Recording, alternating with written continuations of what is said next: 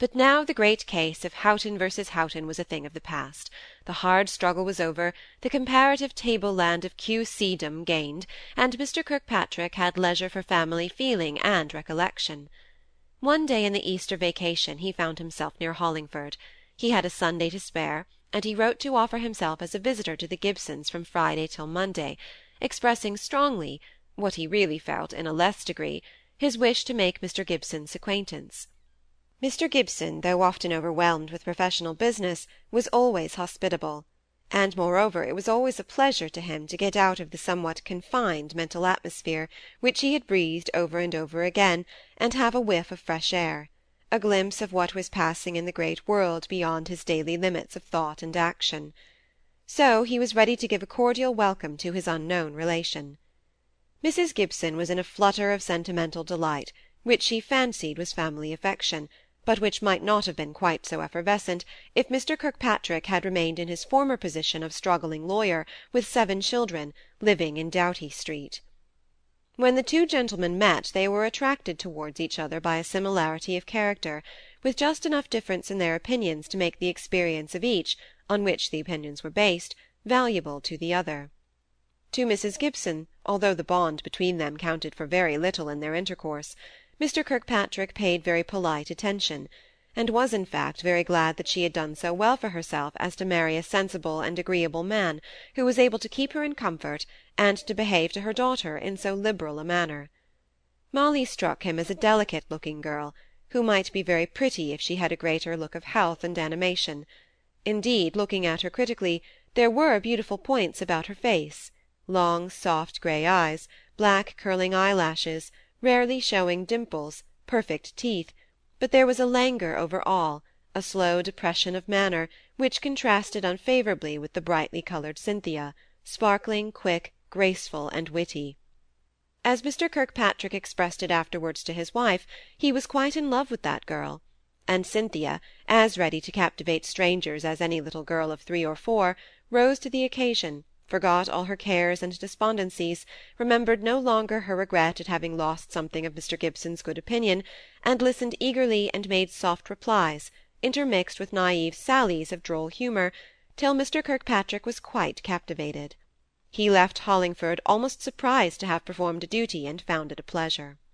For Mrs. Gibson and Molly he had a general friendly feeling, but he did not care if he never saw them again but for Mr. Gibson he had a warm respect, a strong personal liking, which he should be glad to have ripen into a friendship, if there was time for it in this bustling world. And he fully resolved to see more of Cynthia. His wife must know her, they must have her up to stay with them in London, and show her something of the world. But on returning home Mr. Kirkpatrick found so much work awaiting him that he had to lock up embryo friendships and kindly plans in some safe closet of his mind, and give himself up body and soul to the immediate work of his profession.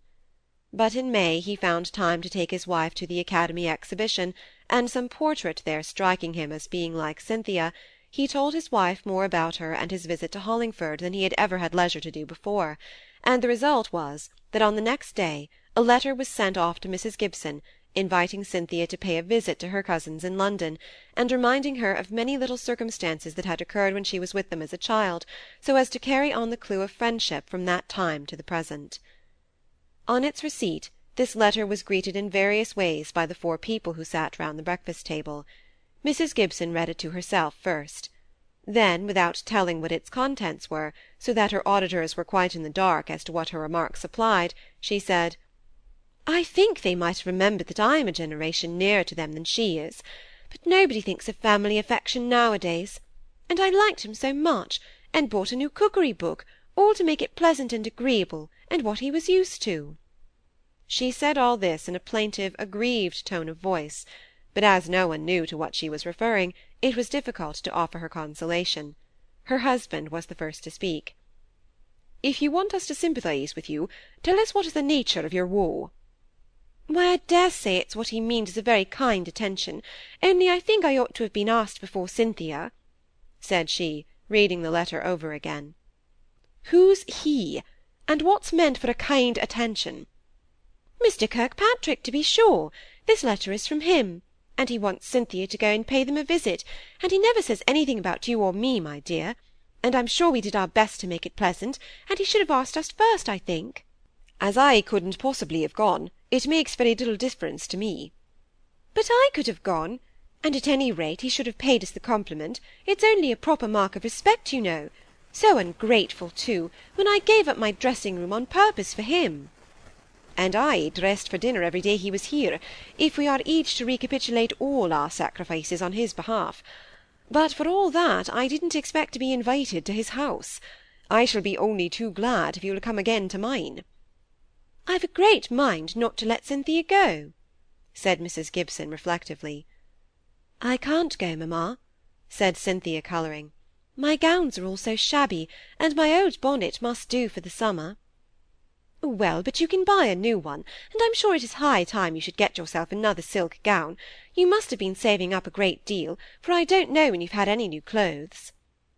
Cynthia began to say something, but stopped short. She went on buttering her toast, but she held it in her hand without eating it, without looking up either, as after a minute or two of silence she spoke again. I cannot go. I should like it very much, but I really cannot go. Please, mamma, write at once and refuse it. Nonsense, child! When a man in Mr. Kirkpatrick's position comes forward to offer a favour, it is not due to decline it without giving it a sufficient response. So kind of him as it is, too. Suppose you offer to go instead of me, proposed Cynthia. No, no, that won't do, said Mr. Gibson decidedly. You can't transfer invitations in that way. But really this excuse about your clothes does appear to be very trivial, Cynthia, if you have no other reason to give. It is a real, true reason to me, said Cynthia, looking up at him as she spoke. You must let me judge for myself. It would not do to go there in a state of shabbiness, for even in Doughty Street, I remember, my aunt was very particular about dress, and now that Margaret and Helen are grown up, and they visit so much, pray don't say anything more about it, for I know it would not do. What have you done with all your money, I wonder? asked Mrs. Gibson. You've twenty pounds a year, thanks to Mr. Gibson and me, and I'm sure you haven't spent more than ten. I hadn't many things when I came back from France, said Cynthia in a low voice, and evidently troubled by all this questioning. Pray let it be decided at once. I can't go, and there's an end of it. She got up and left the room rather suddenly. I don't understand it at all, said Mrs. Gibson. Do you, Molly? No, I know she doesn't like spending money on her dress, and is very careful. Molly said this much, and then was afraid she had made mischief. But then she must have got the money somewhere. It always has struck me that if you have not extravagant habits, and do not live up to your income, you must have a certain sum to lay by at the end of the year.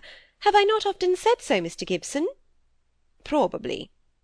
Well, then, apply the same reasoning to Cynthia's case and then I ask what has become of the money. I cannot tell, said Molly, seeing she was appealed to. She may have given it away to some one who wants it. Mr. Gibson put down his newspaper.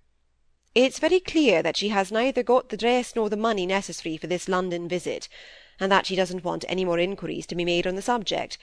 She likes mysteries, in fact, and I detest them. Still, I think it's a desirable thing for her to keep up the acquaintance, or friendship, or whatever it is to be called, with her father's family, and I shall gladly give her ten pounds, and if that's not enough, why either you must help her out, or she must do without some superfluous article of dress or another. I'm sure there was never such a kind, dear, generous man as you are, Mr. Gibson, said his wife.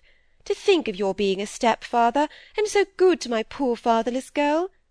But, Molly, my dear, I think you'll acknowledge that you too are very fortunate in your stepmother, are you not, love? And what happy tete-a-tetes we shall have together when Cynthia goes to London!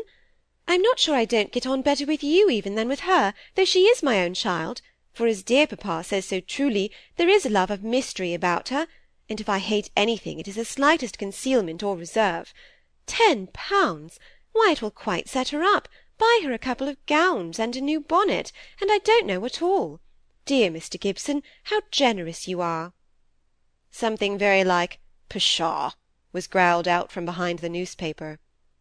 May I go and tell her? said Molly, rising up. Yes, do, love. Tell her to be so ungrateful to refuse, and tell her that your father wishes her to go, and tell her, too, that it would be quite wrong not to avail herself of an opening which may by and by be extended to the rest of the family.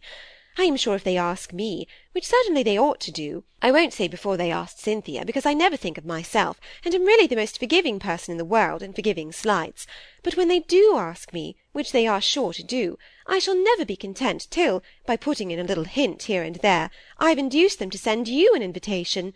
A month or two in London would do you so much good, Molly."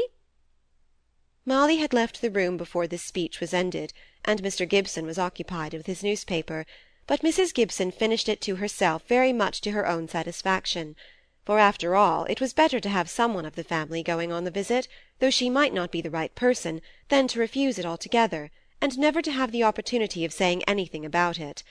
As Mr. Gibson was so kind to Cynthia, she too would be kind to Molly, and dress her becomingly, and invite young men to the house, do all the things in fact which Molly and her father did not want to have done and throw the old stumbling blocks in the way of their unrestrained intercourse, which was the one thing they desired to have, free and open, and without the constant dread of her jealousy.